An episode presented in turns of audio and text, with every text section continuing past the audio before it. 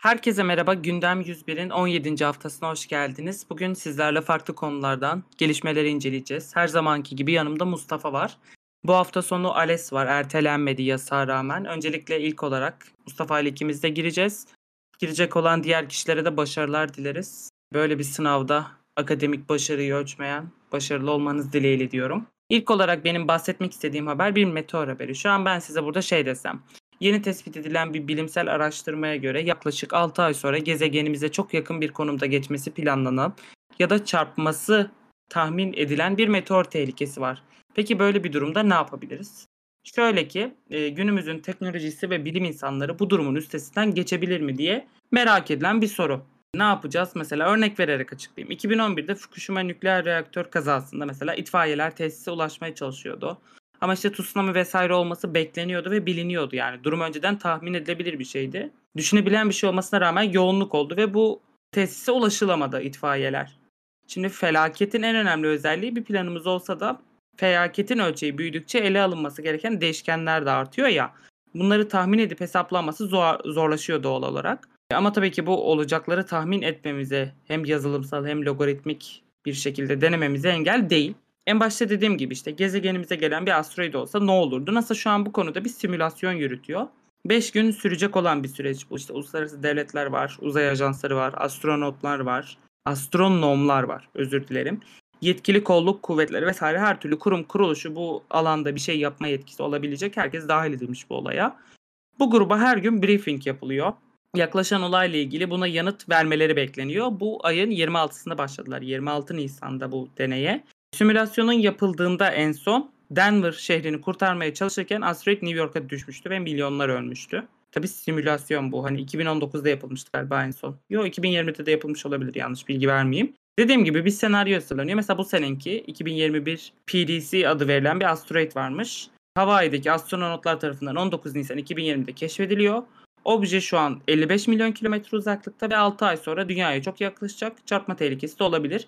Gözlemler 2 günlük olduğu için verilerde değişiklik olabilir. Kesin verilerimiz yok. Boyutu 35 metreden 700 metreye değişiyor ve işte dünyayı çarpması beklenen koruma alanı vesaire belirtilmiş. Önerilerden biri şu. Yolunu değiştirelim asteroidin bir şey fırlatarak. Nükleer silahla parçalayalım.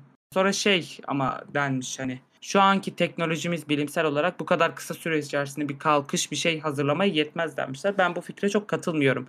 Briefingin şu an ya 3. ya 4. günü olması gerekiyor. Her geçen gün bu kurula alanından yetkin bireylerin bulunduğu sunum yapılıyor. Sunum yapılıyor kastım hani briefing veriliyor, bilgi veriliyor. İşte asteroid Avrupa bölgesini etkileyecek. İstanbul falan da var işte. İşte şu kararı verirsek işte asteroidi şu yöne saptırabilmemiz mümkün. Bu yöne saptırırsak 8 milyon değil 3 milyon kişi ölür falan hani böyle kararları sonucu ne yapabileceğimiz şey yapılıyor ama benim hani bu tarz bir briefingin yapılmasının amacı tabii ki dünyaya yaklaşan objelere karşı verilecek tepkilerimizi aslında radikal bir şekilde ve istatistiki bir şekilde analiz edip seçeneklerimizi ve teknolojimizin geldiği noktayı anlamak. Sadece benim bu yapılan briefingde şu ana kadar zaten sonuçlanmadı. Ben size link paylaşacağım. 2 ya da 3 günü olabilir daha. Siz oradan bakın baktığınızda gün gün yapılan briefingler ve kurulun verdiği kararlar ve kararların sonuçları olası gözüküyor. En sonunda da genel detaylı bir rapor yayınlanıyor. Yani asteroid nereye düştü, ne kadar kayıp oldu, kurtarılabildi mi, kurtarılamadı mı, işte neler yapıldı diye. Tek hani katılmadığım nokta benim bu şeyde. Şu anki teknolojimiz çok hızlı bir uzay misyonu ayarlayamayacağımız yönde. Ama gerçekten bu kadar büyük bir tehdit bulunsaydı SpaceX'in her hafta roket denemeleri yapılıyor. Bir sürü şey taşıyorlar. İlla onların ucuna bir nükleer füze başlık o şu bir şey takılabilir sonuçta. Hani en basitinden söylüyorum şimdi bu tarz bir şey mesela diyelim ki Avrupa'ya çarpsa Rusya yardım eder. Amerika'ya çarpsa Rusya göbek atar gibi düşünüyor olabiliriz ama öyle işlemiyor maalesef. Mesela Süveyş kanalında kalan bir gemi bütün dünyanın sistemini aksattı aslında. Tüm ülkeler ekonomik ve siyasi ilişkiler açısından arkadan birbirine bağlı hani. Orada bir tane gemi tıkanıyor sizin işte sonra ne oluyor? Sizin siparişiniz gelmiyor gibi bir şey düşünebilirsiniz AliExpress'ten ama öyle değil. O gemi işte A ülkesinden B ülkesine silikon taşıyor. E, o silikon aktarılamadığı için Amerika'daki çip üretici firması Tayvan'daki fabrikasına çipin üretiminde gerekli olan silikonu aktaramıyor. Silikon aktarılamadığı için yeterli sayıda grafik ekran kartı o bu şu üretilemiyor. Bu sefer işte oyunculuğun olduğu gamer sektörü etkileniyor. Nvidia ekran kartı üretemedi bu sene. O bu şu hani zincirleme reaksiyon şeklinde çok ufak bir şey her şeyi etkileyebiliyor. Hani benim bu simülasyonda şu ana kadar katılmadığım tek nokta aslında bizim bu kadar hızlı bir uzay misyonu planlayamayacağımız olmamız. Eğer yani o şeyimiz bir sıkışırsa, o raddeye gelirse o kadar eminim Rusya nükleer başlık da verir. Amerika bütün teknolojisini de paylaşır. SpaceX'e de para akıtılır ve hani mesela asteroidi yörüngesinden çıkaracak bir misyon planlanıp hemen bir roket yollanır. SN-11 olur, SN-15 olur şu an uçuşu planlanan. Sen ne düşünüyorsun Mustafa? Açıkçası ben çok pragmatik olduğunu düşünmüyorum bu yaklaşımların. Ee, bir geçmişi düşünürsek şöyle bir şey geliyor aklıma. Bu Meksika körfezine düşen asteroitten bahsediyorduk işte biz geçmiş için. Bu büyüklükte bir e, meteorun düşmesini biz büyük ihtimalle engelleyemeyiz ilerideki şartlarda dahi. Yani çok ciddi bir nükleer bomba falan atmamız gerekecek ki onu havada patlatabilelim diye. Diğer taraftan insanların daha doğrusu bilim insanlarının buna bu kadar önem vermemesinin ve hükümetlerin de buna bu kadar önem vermesi, vermemesinin haklı bir neden olduğunu düşünüyorum ben. Çünkü e, dünyada şu an çok daha büyük riskler var. Bunu düşüneceğimizden daha fazla. Bir meteor çarparsa onunla alakalı belki bazı bir şeyler yapmak için zamanımız olabilecek daha uzun çaplı olarak. Meteorun geldiğini göreceğiz. Buna hazırlık yapacağız. Sığınakları kullanacağız. Öyle yapacağız, böyle yapacağız. Ki biliyorsun bu Meksika körfezine çarpan asteroitten sonra dünya yaklaşık bir yıl boyunca karanlığa bürünüyor. Ama bunu biz fark edeceğimiz için büyük ihtimalle öncesinde zaten bir hazırlık sürecinde de bulunabiliriz. Diğer taraftan şu anda dünyanın biliyorsun çok ciddi bir Covid sorunu var. Biz daha bunun gibi hani elimizle tutup gözümüzle görebildiğimiz bir şeye karşı bile bu kadar e, zorluk çekiyorken büyük ihtimalle bir süre daha bu asteroid olayları, meteor olayları e, gölgede kalacak gibime geliyor ki e, bundan 50 yıl sonra bir asteroidin dünyaya çarpmasını hesaplasak bile ki bu çok yakın bir gelecek aslında asteroidlerden konuşurken. Böyle bir şey için hala zamanımız olduğunu ve buna e, bir şeyler uygulanabileceğini düşünüyorum. Ki benim aklıma gelen hep eski sci-fi filmlerinde, bilim kurgu filmlerinde işte meteora bir tane roket fırlatalım, havada çarpışsınlar, patlasınlar gibi bir şeyler aklıma geliyor. Ama büyük ihtimalle çok yanlışım. Buradan sonrasında sanırım herhangi bir fikir oluşmayacak bende. Bir sonraki bahsetmek istediğim konu aslında hepimizin ciddi sıkıntı çekeceği bir konu ileride. Yine mesela bu asteroidlerden bahsederken bunların ileri gelecekte çok büyük bir sorun olmayacağını düşünüyorum. Yani yakın gelecek bazında söylüyorum. Diğer taraftan bu bahsetmek istediğim antibiyotik rezistansı yani işte gribal enfeksiyonların, virüslerin, bakterilerin kullandığımız ilaçlara karşı bir direnç geliştirmesi olayı ha, günümüzde bile çok ciddi sorunlar yaratıyor. Yılda 750 bin tane ölüm yaratıyor. 2050 yılında da 10 milyon kişinin ölümüne e, sebep olacak gibi bir rakamdan bahsediliyor. E, daha fazla kişinin hayatını tehdit ettiği e, kanısındayım mesela. Bununla alakalı aslında e, bahsetmek istediğim haberde şöyle bir şey var. Ben her ne kadar önceki e, haberlerimde işte podcastlerimizde hep şundan bahsediyordum. Aa, artık şöyle bir çalışma yapıyorlarmış. Bu çalışmayla beraber biz antibiyotik kullanımını ya minimuma indireceğiz ya da kullanmayacağız. Bu sayede işte antibiyotik e, dirençli bakterilerden kurtulmuş olacağız. İşte şöyle yeni bir teknoloji çıkıyor. Yok deri altına şöyle bir şeyler enjekte ediyoruz. Onu yapıyoruz, bunu yapıyoruzdan bahsediyorken bunların yine pragmatik olmadığının altını çizmem gerekiyor. Çünkü biz şu anda var gelen bir antibiyotik sistemi kullanıyoruz. Bunlar aslında oldukça ucuz. Bizim bu üretmeye çalıştığımız kişisel giyilebilir antibiyotiksel sistemlere göre. Ki giyilebilir olanlar antibiyotik değil ancak bahsetmeye çalıştığım şeyi tırnak içinde anlatmaya çalışıyorum. Bu haberi okurken birkaç tane yorum gördüm. Bu yorumlardan bir tanesi de şunu gösteriyordu. İşte birisi 40 yaşına kadar hayatında bir kere antibiyotik kullandığından bahsediyordu. Büyük ihtimalle bahsettiği antibiyotik de oral antibiyotik. Çünkü hastaneye gidince size damardan antibiyotik veriyorlar ancak kişi kendisinin hayatı boyunca bir kere antibiyotik aldığından ve çok sağlıklı olduğundan bahsediyordu. Kimsenin ipiyle tabii kuyu yenilmez o farklı bir şey. Ancak yine de bahsettiği şey benim dikkatimi çekmişti. Oral antibiyotiği 40 yaşına kadar bir kere kullanmış. E, hatalı da olabilir. Belki 5 kere kullandı, belki 10 kere kullandı. Ancak yine de aslında oldukça düşük bir rakam. Biz acaba hani ben kendim için bile ne kadar farkında olsam bile acaba çok mu antibiyotik kullanıyorum diye düşünmeye başladım. Eee, çevremizde çok fazla hastalık oluyor. Çok düşük dozlarla, eee, antibiyotik bazen kullanmamız da gerekebiliyor. Mesela ben bir, eee, üriner yolu enfeksiyonu geçirdiğim zaman, örnek veriyorum, bundan 2 yıl öncesinde doktora gittim. Öncesinde yapmam gereken her şeyi yapmıştım. İşte su tüketimimi arttırmıştım. Bu flushing denen, eee, idrar kesimi düzenli olarak, hani, çok ciddi miktarda su içerek yıkıyordum adeta ki bu semptomlardan kurtulayım diye. Bir haftanın sonunda gitmeyince mecburen, eee, doktora gittim. Çok düşük 100 miligramlık bir antibiyotik, eee, verildi ve 5 günlük kullanımın ardından düzgün bir sonuç alıp ben antibiyotiği bıraktım. Eee, doktorun da, eee, şeyi buydu zaten, isteği buydu. Ki ben gittiğimde de zaten çok rahatsız olmadığımı belirtmiştim. Şimdi 100 miligram oldukça düşük bir antibiyotik, içeriği aslında. İnsan şöyle diyeyim, 2000 miligramlar, 4000 miligramlar ağır üriner yolu enfeksiyonları için normal sayılabilen dozlar. Bununla karşılaştırdığınız zaman aslında 100 miligram çok düşük bir doz. Burada, benim aklıma gelen şu oldu. Acaba biz yine de bu 100 miligramlık antibiyotiği kullanmak yerine başka yardımcı ilaçlarla bu tedavinin yerini doldurabilir miydik diye bir soru çıktı karşıma. Mesela örnek vereyim, ben burada bir Klamoxilin kullanmıştım 100 miligramlık. Ama, eee, başka bir örnek bahsederken mesela, eee, burada tümüyle mesela örneği vereceğim. Parmak aramda bir mantar eee, oluştuğunu gördüm. Normalde bunun için doktora gittiğiniz zaman size Amphotericin B gibi güçlü bir, eee, mantar antibiyotiği verecektir. Eee, acaba elimizdeki bazı, işte, antibiyotik olmayan ilaçlarla biz bu tedavileri yine de yapabilir miyiz? Özellikle de hafif olanlarını antibiyotik kullanması, eee, gerekli düşünülen durumlarda dahi antibiyotikten uzaklaştırabilir miyiz gibi düşünmeye başladım.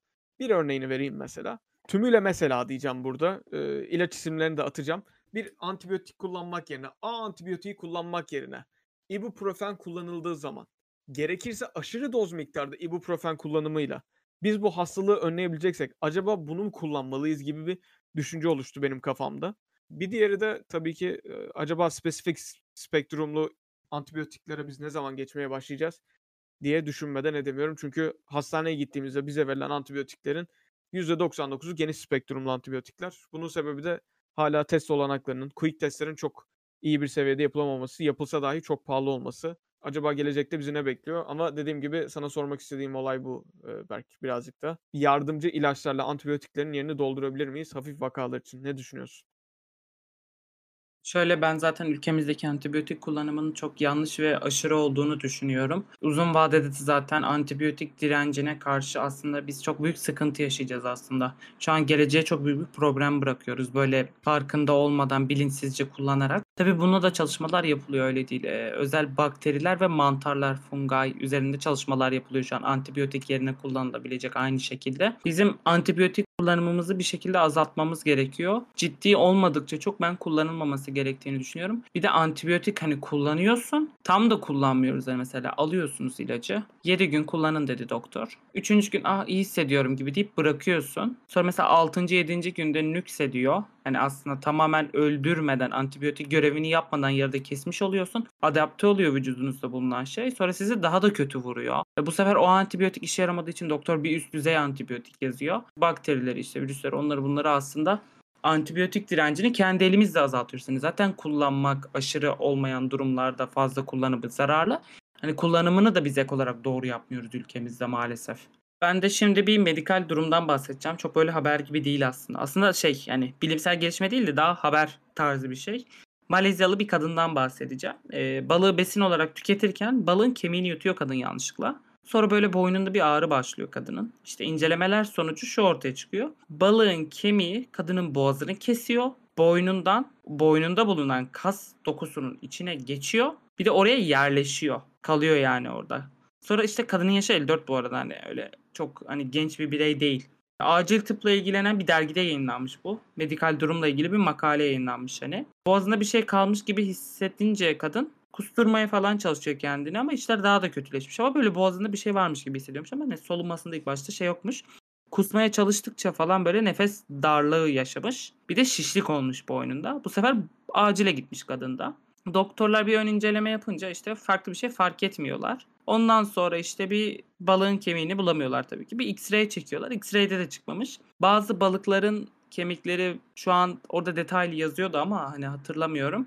Spesifik durumlarda X-ray'de çıkmayabiliyor. İşte, floresanlar, onlar bunlar, balığın kemik yapısında bulunan hücreler, onlar bunlar detaylı belirtilmişti. CT scan yapıyorlar tarama. Böyle bir 5-6 santim boyunda bir kemik gözüküyormuş normalde. İşte, orada olmaması gereken. Çünkü, hani, baktığınızda fark da etmeyebilirsiniz. Hani, öyle ben baksam, "A, evet, bu kadının boynunda bir kemik var." demem belki. Hani, normal bir kemik sarıp geçerim tabii ki. Doktor fark ettiğinde kasların içerisine yerleşmiş 5-6 santim boyunda bir kemik görüyor. Normalde, işte, aslında insanların yaşadığı bir durummuş böyle boğazına kemik kaçması vs.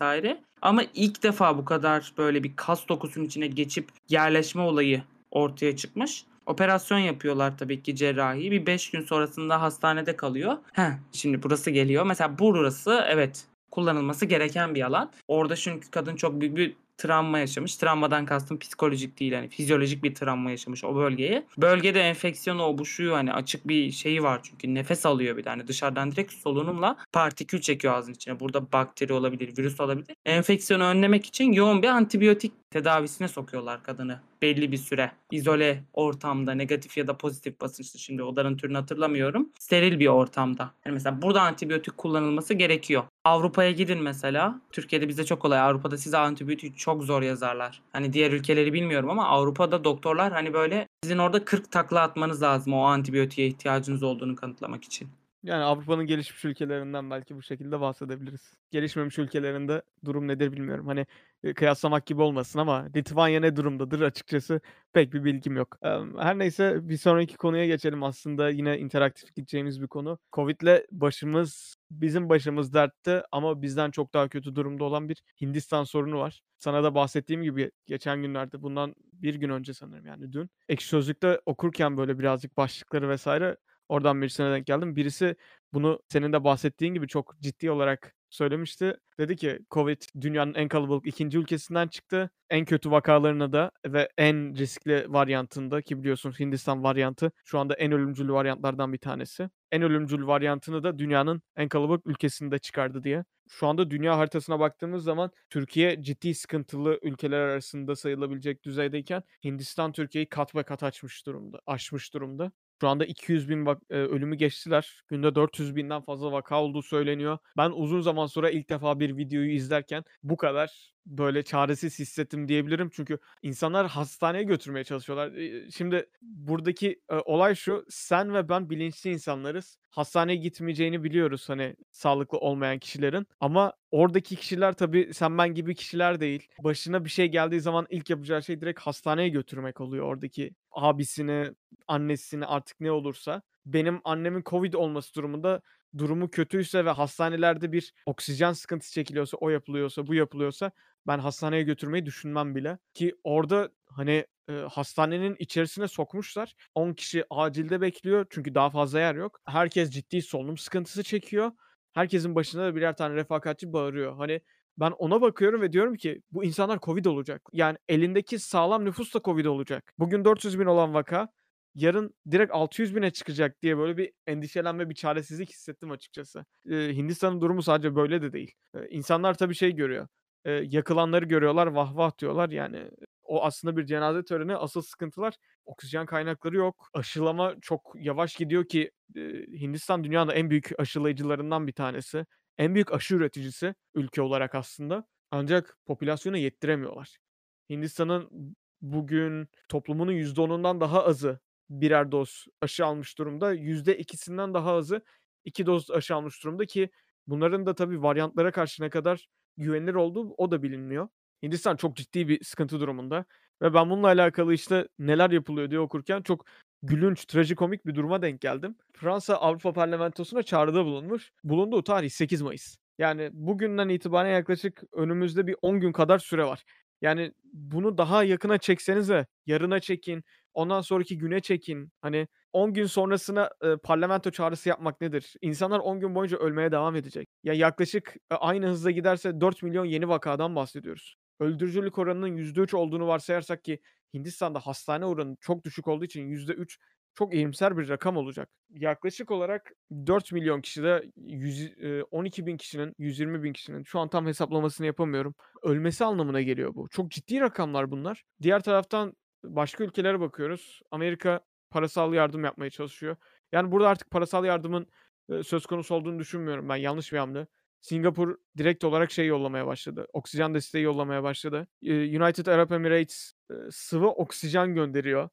Bakın mesela bunlar çok önemli şeyler. Türkiye hiçbir şey yollamıyor tabii.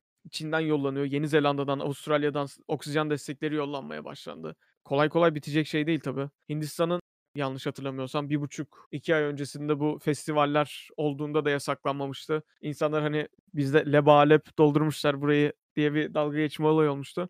Aynısının çok daha kötü olayları yaşandı. Bu kendi haclarını yasakladılar Hindistan'da olan. Ancak yine de bu diğer dini bayramlarını yasaklamadılar. Bu boya atılan bir bayram var. İsmini tam olarak bilmiyorum. İnsanlar o kadar iç içe durumdaydı ki ben görünce açıkçası kafamdan aşağı kaynar sular boşalmıştı. Bu adamlar nasıl hasta olmuyor diye düşünüyordum. Ancak çok erken konuşmuş oldum ben de.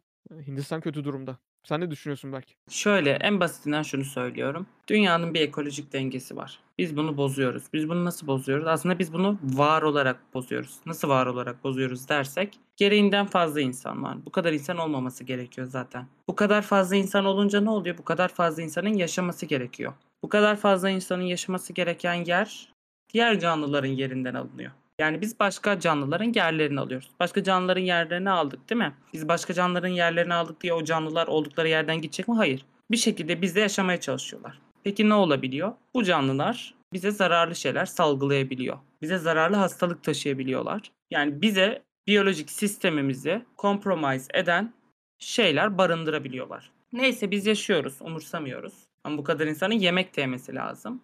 E bu kadar insanın hepsi belli bir kalite üstünde bir şey yiyemez. Bu sefer her şeyi yemeye başlıyoruz. Tüketebil, vücudumuzun sindirebildiği. E bu bizim yediğimiz şeyleri yiyen başka hayvanlar da var. Normalde onların normalde yemesi gereken şey biz anormal bir şekilde tüketiyoruz. Sayısını kendimiz arttırıyoruz. Sırf yemek için bazı canlıların doğumuna sebep oluyoruz. E bu canlılar ne oluyor? Bu canlılar zaten olmaması gereken, biz zaten bu kadar olmamamız gerekiyor. Üzerine bu besin olarak doğmuş olan canlıların olmaması gerekiyor. E sonra bu canlılar tabii ki kötü koşullarda yaşıyorlar. Onlar hasta oluyorlar. E biz onları tüketiyoruz. E bunlar da zaten bize benzer canlılar genetik olarak sonuçta. Bir çiçek mi size genetik olarak daha benzer yoksa bir inek mi, bir yarasa mı, o mu bu mu? Ki yarasa hani zorunluluktan dolayı besin tüketiminde tüketecek canlı grubu kalmadığı için hadi yarasayı da yiyelim. Hani alanı küçük gibi. Tabii yarasadan çıkmadığı sonra bilimsel olarak kanıtlandı belli bir seviyenin üzerine ama örnek veriyorum hani çeşitlilik açısından hayvan tüketiminde. E bu sefer biz bu kadar içi dışı olduk bu canlılarla. Onların yerlerinden ettik, besinlerinden ettik. Tükettikleri besini doğal besinden bizim fabrikalaştırdığımız bir hale getirdik. Abi de mesela antibiyotik dedik. Bu canlıları bir de antibiyotik bastık kendimize geçmesin diye. Takviyeler bastık. E bu canlılara da düzgün uygulamadık antibiyotiği. Bunların vücudunda bulunan şeyler de direnç geliştirdi. Sonra üzerine bunları yedik. Daha sonra bize hastalık geçti. E kendi sayımız çok bu sefer. Bizim aramızda da hızlı çoğalacak. Hani şey gibi düşünün. Bir sınıf ortamı düşünün. Lise ortamı Türkiye'de. Sınıftaki kişi sayısı arttıkça sınıftaki dedikodu olayı nasıl gelişir öyle düşün. Ne kadar az kişi olursa çapraz ilişkiler de az olacak. Yayılım da az olacak.